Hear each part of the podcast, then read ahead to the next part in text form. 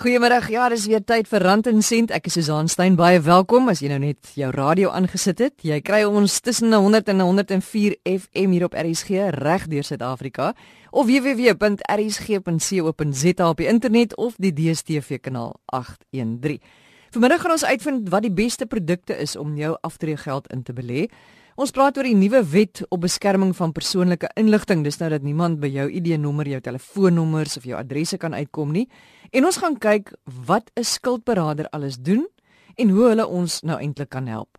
Verlede week het ek verwys na die statistiek wat sê slegs 6% van Suid-Afrikaners kan bekostig om af te tree en 45% is afhanklik van familielede. 32% sal moet aanhou werk en 17% kan net staat maak op 'n maandelikse staatspensioen van R1500. Nou ons het gekyk na die vyf grootste foute wat ons maak wanneer ons spaar vir aftrede. Janet Maree, direkteur by Allen Gray is vanmiddag weer hier by ons. En Janet, jy gaan nou vir ons vanmiddag 'n bietjie raad gee oor die beste aftreeprodukte wat beskikbaar is daar buite waarin ons kan spaar. Susan, die die regering is eintlik wonderlik in die opsig dat hulle vir ons sekere belastingvoordele gegee het vir sekere produkte wat spesifiek gemik daarop is om soveel mense te kry as moontlik om te spaar en om meer te spaar. So die belastingvoordele in sekere van hierdie produkte maak hulle absoluut ideaal vir om te gebruik vir aftrede. So die eerste een is 'n pensioenfonds en dis eintlik 'n maklike keuse. Baie van ons is gelukkig genoeg dat wanneer jy begin werk by 'n maatskappy, dan het hulle reeds 'n pensioenfonds en jy word verplig om daarin te belê. 'n uh, Pensioenfonds is ook eintlik dieselfde as 'n uitredingsanniteit. Uitredingsanniteit is net die een wat jy self sal doen. Met ander woorde, jy werk dalk nie by 'n maatskappy wat 'n pensioenfonds het nie, maar jy besluit self om 'n uitredingsanniteit um, vir jouself uit te neem. Jou belastingvoordele tussen die twee is presies dieselfde tot 27.5% van jou inkomste kan jy opgee of kan jy gebruik om as 'n bydrae tot 'n pensioenfonds of 'n uitredingsanniteit en jy kry 'n belastingvoordeel daarop. Dan is daar natuurlik voorsorgfondse en dis eintlik maar net 'n ander weergawe van 'n pensioenfonds en dis gewoonlik ook iets wat jy kry wanneer jy by 'n maatskappy begin. Sommige van hulle het 'n pensioenfonds en sommige het 'n voorsorgfonds en daar's nie vreeslike groot verskille tussen die twee nie. Jy het nou verduidelik maar hoe werk die produkte want hoe gaan ek nou besluit watter produk vir my gaan werk? Wel, dis eintlik maklik. As jy by 'n maatskappy werk en hulle het 'n pensioen of 'n voorsorgfonds, dan gaan jy eenvoudig daarin. 'n Belangriker keuse wat jy moet maak is hoeveel jy bydra, want dit is gewoonlik vrywillig. Jy kan gewoonlik besluit minimum is gewoonlik so 7.5 10%, 12.5%, jy het gewoonlik keuses. Nou Jy bedoel van jou inkomste. Van jou inkomste wat jy kan bydra. Nou ons somme sê dat as jy nie vir 40 jaar ten minste 17% van jou inkomste gaan belê in 'n aftreeproduk nie, dan gaan jy waarskynlik tekort kom aan die einde. So die groter keuse wat jy moet maak is eintlik nie die produk nie, maar wel hoe groot is die bydrae wat ek maak as die regering jou toelaat om tot 27.5% af te trek, dan kan jy sien daar's 'n baie groot verskil tussen die minimum bydrae wat gewoonlik om en by 7.5% is en wat ons glo nie vir jou genoeg gaan wees nie. So gemiddeld 12 na 15% glo ons is 'n goeie syfer om mee te begin. As jy natuurlik nou nie meer as dit kan bysit nie. En is dit goed om hierdie bedrag maandeliks te betaal of jaarliks? Wel nee, gewoonlik kom dit van jou maandelikse salaris af en dit kom ook van jou salaris af voordat jy belasting betaal. Met ander woorde, dit word uit jou uit jou bruto inkomste weggevat en dan betaal jy belasting net op wat oorbly. So dis dit het 'n geweldige groot voordeel. Ons aanbeveling is is dat jy elke jaar 'n stukkie of alles natuurlik as jy kan, maar ten minste 'n stuk van jou bonus gebruik om ook by te sit in hierdie produkte om jou belastingvoordeel maksimaal te benut en natuurlik dan nou ook om seker te maak dat jy aan die einde genoeg het met ander om bietjie meer te belê. Maar ek dink nou ook byvoorbeeld aan mense wat wat soos ek self wat vryskut werk. Uh jy weet en jy het nou aan die tyd of twee wat jy nou in in belê, is dit dan beter om jaarliks by te dra, is dit beter om maandeliks by te dra of maak dit regtig nie saak nie? Ek dink nie dit maak saak uit 'n beleggingshoek nie, maar ek dink dit maak wel saak uit 'n dissiplinehoek. As jy elke maand gewoond is daaraan dat 'n sekere bedrag eenvoudig in jou produk ingaan voordat jy begin leef as ek dit so kan stel. Dan dink ek daai dissipline raak oor tyd net makliker as om eenmal 'n een jaar sien maar jou hele bonusdatum moet insit. Ek dink dis nogal bietjie moeiliker. Dit's makliker vir ons dan om te sê, "Sjoe, maar jy het dinge nodig of jy wil 'n vakansie doen of jy wil iets anders met die geld doen." So ek dink die dissipline rondom 'n maandelikse belegging is waarskynlik beter.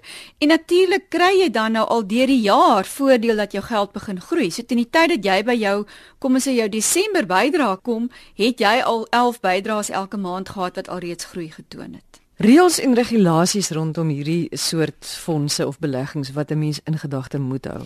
Ja, dit is baie belangrik. Pensioen en voorsorgfondse wat jy natuurlik nou deur jou werkgewer kry, laat jou toe wanneer jy jou werkgewer verlaat om 'n gedeelte of alles daarvan in kontant te neem natuurlik na jy geweldige klomp belasting betaal het en en en jy betaal ook ekstra belasting met ander woorde jy word 'n bietjie ekstra belas daarop of om dit in 'n voorsorgfonds, ag om dit in 'n bewaringsfonds te sit. So wanneer jy weggaan by jou maatskappy, kan jy die geld in kontant neem, klomp belasting daar betaal of jy kan dit in 'n bewaringsfonds belê. En binne 'n bewaringsfonds het jy die voordeel dat jy voor aftrede wel eenmal toegang tot daai geld mag hê. Nou dis 'n voor en 'n nadeel. Dis 'n voordeel dat as daar werklik iets met jou gebeur en jy het baie dringend daai geld nodig, dan kan jy dit gebruik. Die nadeel natuurlik is dat te veel mense doen dit. Te veel mense dink wel hier's 'n groot bedrag geld, ek gaan dit gebruik. Die verskil tussen 'n pensioenfonds en 'n uitredingsanniteit is dat binne 'n uitredingsanniteit en dis gewoonlik iets wat 'n vryskut persoon soos jy dalk in sal belê, het jy geen toegang tot jou geld voor ouderdom 55 nie. Die voordeel daarvan natuurlik is dat 'n mens word amper beskerm teen jouself, maar jy moet kan weet dat jy sonder daai kontant bedrag sal kan klaarkom totdat jy by ouderdom van 55 kom. Sou jy dan die dag by 55 uitkom, dan is dit nog steeds jou keuse om daai geld net daar te los en dit miskien eers te vat op 65. O ja, en dit is eintlik 'n ongelooflike goeie besluit, want daai ekstra 10 jaar wat jy die geld daar los, al maak jy nie meer bydraes nie, het jy die voordeel dat jy jou saamgestelde rente kry, nê? Nee, en dis altyd die ding waaroor ons die meeste praat, die die voordeel van spaar oor die lang termyn is die dissipline ja en die geld wat jy insit, maar baie meer is dit is natuurlik die voordeel van die saamgestelde rente wat jy kry. Dit het onlangs verander 'n paar jaar gelede. Daar's geen uh, maksimum aftrede ouderdom nie. Met ander woorde, jy kan die geld daar los. As jy dit nooit nodig het om 'n inkomste daai te trek nie, dan dan kan jy die geld daar los. Jy het nie jy word nie verplig om dit op 'n stadium te onttrek uit jou uit jou uitredingsanniteit nie en toegang tot hierdie aftreeprodukte wanneer jy die dag aftree. Wat behels dit dan die uitbetaling daarvan? Hoe trek jy dit maandeliks? Is dit 'n eenmalige bedrag? Deesdae met die meer moderne produkte, um, selfs met 'n pensioenfonds, word dit as 'n kontantbedrag uitbetaal aan jou wat jy dan belê in in die in die meeste gevalle belê jy dit dan in 'n anniteit en dis met anderwoorde die produk wat dan vir jou 'n inkomste verskaf. Jy kry twee soorte, jy kry gewaarborgde anniteit en dan kry jy wat ons noem 'n lewende anniteit. Lewende anniteit is maklik om te verduidelik. Dit beteken ehm um, solank as wat jy lewe, kry jy 'n inkomste daaruit, maar wanneer jy te sterwe kom, dan bly die kapitaal wat oorgebly het in die produk bly beskikbaar dan nou natuurlik vir jou begunstigdes. In 'n gewaarborgde anniteit neem die maatskappy wat hom aan jou uitreik eintlik die risiko. Met ander woorde, as jy nog 30 jaar lewe, dan word jy gewaarborg dat jy vir nog 30 jaar daai inkomste gaan ontvang, maar as jy binne 'n jaar te sterwe kom, dan's alles weg. En dis maar die keuses wat 'n mens moet maak rondom die produk wat vir jou die beste werk. 'n Lewende anniteit is is baie gewild, maar 'n lewende anniteit weer moet jy baie dissipline hê, want jy moet seker maak jy trek nie te veel inkomste nie. Want dan natuurlik kan jy binne in jou in jou kapitaal begin ingaan en jy kan op die einde met ander woorde kapitaal vernietig wat beteken soos ons sê jy kan jou kapitaal oorleef. Op 'n stadium kom waar jou kapitaal nie meer genoeg is om 'n inkomste te verskaf nie. So weer moet daar baie dissipline wees.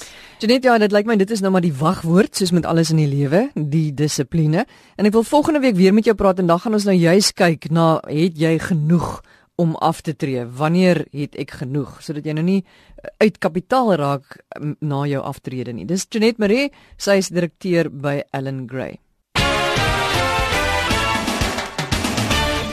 Jy luister na Rand en Sent. Goeiemôre as jy nou net ingeskakel het. Ek is Susan Stein. Onthou jy kry ons op RSG 100 tot 104 FM op die internet www.rsg.co.za. En jy kan enige tyd e-posse stuur met jou voorstelle of jou vrae. Die e-posadres is rsg@randencent@gmail.com. rsg@randencent@gmail.com. Nou ons het middel Januarie gepraat met Nicoline Skuman Lou van Skuman Law ingelyf oor regsfoute wat mense en maatskappye in 2016 begaan het. En Nicoline, toe het jy verwys na die nuwe wet op beskerming van persoonlike inligting. Nou wat word alles beskou as persoonlike inligting? Die wet is 'n relatiewe nuwe toevoegsel tot die Suid-Afrikaanse regstelsel. In industrie noem ons dit poppy. Van die Engels afgelei the Protection of Personal Information Act en uh, jy sal baie op die internet kan kry is as mense na daardie afkorting dan 'n soektog doen. Die wet omskryf wat persoonlike inligting is as ongelooflik breed of ongelooflik wyd.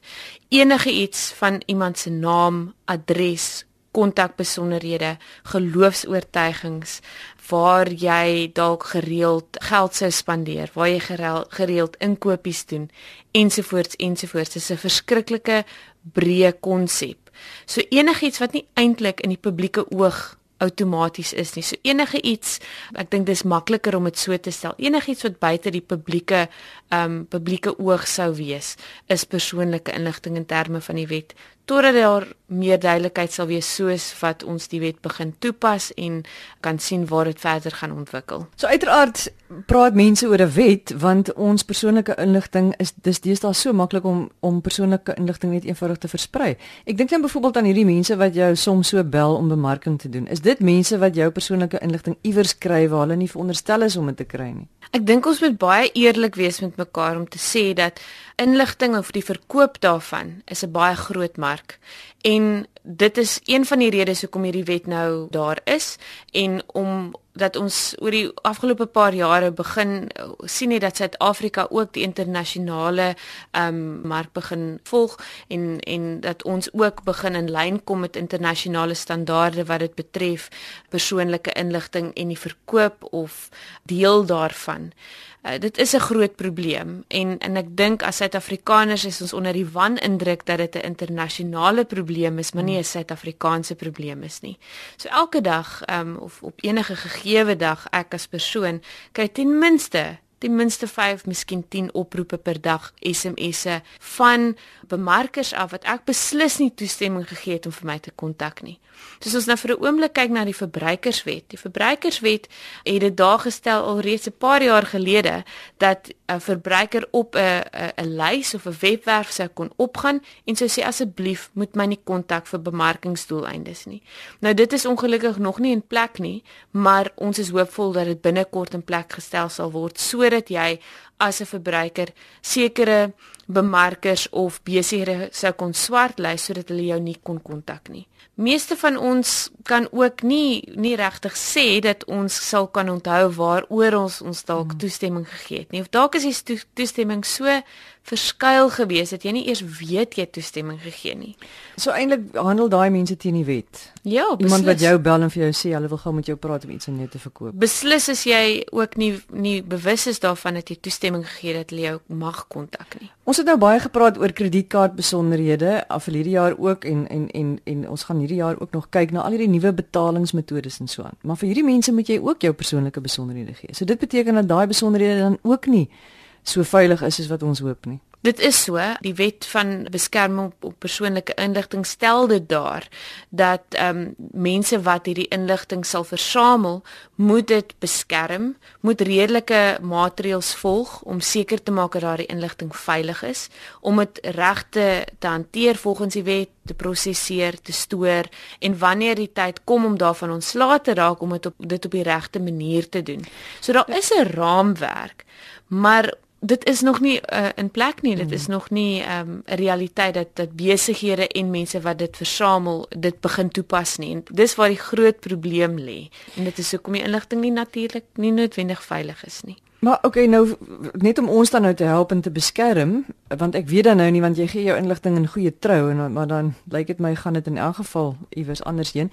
Maar vir wie moet ons dan ons inligting gegee? Vir wie moet ons dit nie gee nie? Hoe moet ons keer as verbruikers dat ons inligting dan nou beskikbaar is vir almal? Ek dink mens moet vir nou totdat die wet se riglyne uh, 100% in werking is en dat ons 'n beter idee het want want dit is nog nie 100% in werking nie. Dit is nou al lank wat dit gedebatteer word en daar is baie inligting omtrent die wet al beskikbaar, maar dit is nog baie nuut. So kom ons gee dit kans om te sien hoe dit gaan ontwikkel, maar tot tyd en wyl dit gebeur het, moet verbruikers regtig versigtig wees. Vernaamlik as jy jou inligting finansiële inligting, jou kredietkaart besonderhede, wees versigtig waar jy dit insit. Wees versigtig met wie jy dit deel. Wees versigtig of jy dit laat stoor by hierdie plek waar jy dit sou deel. Daar's gewoonlik op baie internet webwerwe is daar 'n opsie wat jy jou jou kredietkaart besonderhede byvoorbeeld sou kon save of kan kan los daar. Wat 'n groot probleem kan wees want mens weet nie altyd hoeveel sekuriteitsmaatreëls hierdie betrokke webwerf of die administrateurs daar agter regtig in plek gestel het nie wat vir steel van inligting. So ons praat nie net van verkoop van inligting. Ek dink ons moet duidelik wees ons praat van inligting wat gesteel word ook. Maar dit is hoekom dit belangrik is as jy na 'n webwerf toe gaan dat jy seker maak dat daar 'n soort slotjie is, mm. nê, dat dat jy mm. sal sien ons het al daai gesprek gehad. Ja. Um, nou net 'n maatskappy wat wat inligting kry want ek meen ek maatskappye sit ook met 'n probleem want hulle moet ook miskien wil hulle ook graag jou inligting veilig stoor en hoe raak jy daarvan ontslae as jy nou dit klaar gebruik het en jy wil dit nou nie meer hê nie. Ek dink dit hang af watse tipe inligting ons van praat. Want onthou die wet so breed is wat wat persoonlike inligting is, net so breed is die persone of so wyd is dit gedefinieer die persone wat dit vir jou kan gee. In 'n maatskappy se konteks kan dit net sowel ook 'n werknemer wees, 'n werknemer wie se bankbesonderhede, ID-nommer ensovoorts jy moes bekom toe hulle werknemer geword het, wat jy ook gaan stoor vir doeleindes om te kan rapporteer aan verskillende instansies instansies, die departement van arbeid en so meer. So mense het daardie aspek van dit wat ons amper sien as inherent aan besigheid en wat mense nog nooit behoorlik oorgedink het, jy's, hoe stoor ons dit as die betrokke werknemer dalk nie meer by jou is nie? Hoe raak mense daarvan ontslaa? So dit is regtig belangrik dat besighede krities gaan dink watse inligting holisties versamel ons? Hoekom doen ons dit? Hoe gaan ons dit stoor? Hoe gaan ons daarvan ontslaa raak? En natuurlik, hoe gaan ons maatreëls in plek stel om seker te maak dat dit veilig is? Mens kan ongelukkig nie 'n algemene antwoord gee nie. Dit gaan eh, van besigheid tot besigheid, industrie tot industrie, tipe inligting tot tipe inligting bepaal moet word en maatreëls gaan in plek gestel moet word. So as jy 'n besigheid bedryf wat in die besigheid is van inligting versamel en dalk prosesseer of verkoop, is dit baie belangrik dat jy kyk dat jy toestemming het van die betrokke persone wie se inligting jy op hierdie manier aan mee handel dryf. En uh, as verbruikers gaan ons net baie meer versigtig moet wees met wie ons inligting deel en wat se kansse ons dan nou neem en hoe ons osself oopstel vir hierdie tipe risiko's. Ons gaan baie versigtiger moet begin word. Hmm, nou ja, dis nog iets vir ons om oor na te dink, nê, iets waarvoor ons voorsorg moet tref. Nicoline Skuman Lou, baie dankie. Sy is van Skuman Law ingelyf. Jy luister na Rand en Sent hier op RSG. En net voordat ons groet, ons het so middel Januarie of begin Januarie het Neil Daya, hy's 'n geregistreerde skuldberader by Credit Balancing Services, het hy ons gehelp om van ons slegte skuld ontslae te raak, 'n bietjie raad gegee. Neil, nou wil ek net by jou weet presies wat doen skuldberaders. Hoekom sal ek nou na 'n skuldberader toe gaan? Is daar nie dalk ander maniere waarmee ek eerder van my skuld ontslae kan raak nie? Susan, voordat ons van skuldberaders praat, sal ek definitief aanbeveel dat mense na hulle krediteure toe gaan en probeer om met hulle 'n plan uit te werk. Maar in baie gevalle kom mense terug na my toe en hulle sê ek het probeer maar die krediteure wil niks weet nie. En dis waar die skuldberader inkom. 'n Skuldberader se werk is in die nasionale kredietwet ingeskryf. En wat dit bedoel is, as ons met 'n persoon sit en ons sien hulle sukkel om hulle skuld terug te betaal. Hulle sit met 'n probleem, hulle kan eintlik daardie skuld nie bekostig nie. Ons doen 'n assessment om uit te werk wat kan hulle bekostig om elke maand vir daardie skuld te betaal? En dan praat ons met die krediteure en ons sê kyk hierdie persoon het hulp nodig. Hulle kan hierdie skuld nie bekostig nie. Die paemente moet verlaag word. Nou die verskil tussen ons en die gewone man in die straat is, die krediteur kan nie sê nee, ek verkies dat ek nie deel van hierdie proses wil wees nie. Die wet sê dat hulle met ons moet saamwerk om daardie persoon se skuld te in Engels sê ons restructure. So nadat ons uitgewerk het wat kan die persoon bekostig? En ons sien hoe kan dit versprei word tussen al die krediteure wat die persoon het? Dan moet al daardie krediteure met ons saamwerk en sê okay ons aanvaar dit of ons vra 'n bietjie meer of 'n bietjie minder. En die hele proses gaan deur die die magistraatshof. So dis nie net 'n mooi praatjie van ons kant af nie of ons wag om te sien voel die krediteur in 'n goeie by daardie dag nie dit is 'n wettige prosedure en ons gaan deur die hele proses en die krediteure kan nie sê nee maar dit ons wil nie saamspeel in hierdie toneel nie. So benewens die tegniese aspekte van van julle bystand en die regsaspekte van julle bystand as skuldberaders, is daar sekerlik ook 'n soort Ehm um, ek wil amper sê dit is soos 'n uh, leefstyl afrigting vir mense met finansiële probleme want ek is seker in julle gesprekke leer julle hierdie mense 'n struktuur van hoe kan ons nou beter begroot? Hoe kan ons geld wegsit om 'n skuld af te betaal? Hoe kan ons die toekoms aanpak sonder om skuld te maak? Definitief. Ons sien die beradingsaspek van ons werk as baie belangrik. En dis hoekom ons verkies om nie met mense oor die foon of oor die e-pos te werk nie, want dis altyd beter om met iemand te sit en ons sit met 'n persoon vir 'n paar ure, ons gaan deur hulle inkomste, hulle uitgawes en ons werk deur hoe hulle met hulle geld werk om te help dat hulle beter miskien daarmee kan werk sodat wanneer ons die skuld aspek uitgesorteer het dat die geld wat hulle oor het beter vir hulle kan werk. En in baie aspekte wanneer dit by skuld uitkom, het ons meer mag as selfs 'n prokureur. Want as iemand nou agterstallig is met hulle huislening of ja, met enige rekening, 'n prokureur kan nie na die krediteur toe gaan en sê jy moet dit afskryf of jy moet die paiement verminder. Ons kan nie sê hulle moet dit afskryf nie, maar ons kan darm 'n plan maak sodat die persoon daardie agterstalliges kan opvang of dat hulle paemente kan verminder en hulle kan dit betaal op 'n manier wat hulle kan bekostig. So ek is baie trots op wat ons as skuldberadings kan doen. Maniel berading in my gedagtes kos geld. So as ek nou vanmiddag luister, sal ek dink ja, maar hoeveel gaan dit nou vir my kos om nou my skuld met jou te kom bespreek dat jy my nou kan help? Ons fooie is alles gereguleer deur die nasionale kredietreguleerder. So persone wat vir ons kom sien, hulle betaal eintlik vir ons niks, maar ons kry ons fooie van die betalings wat hulle aan hulle skuld maak. Ons fooie is alles daar ingesluit. So daar's niks ekstra wat mense vir ons hoef te betaal nie. So jy jy gaan nie nog jy gaan hom nie nog verder in die skuld dompel nie.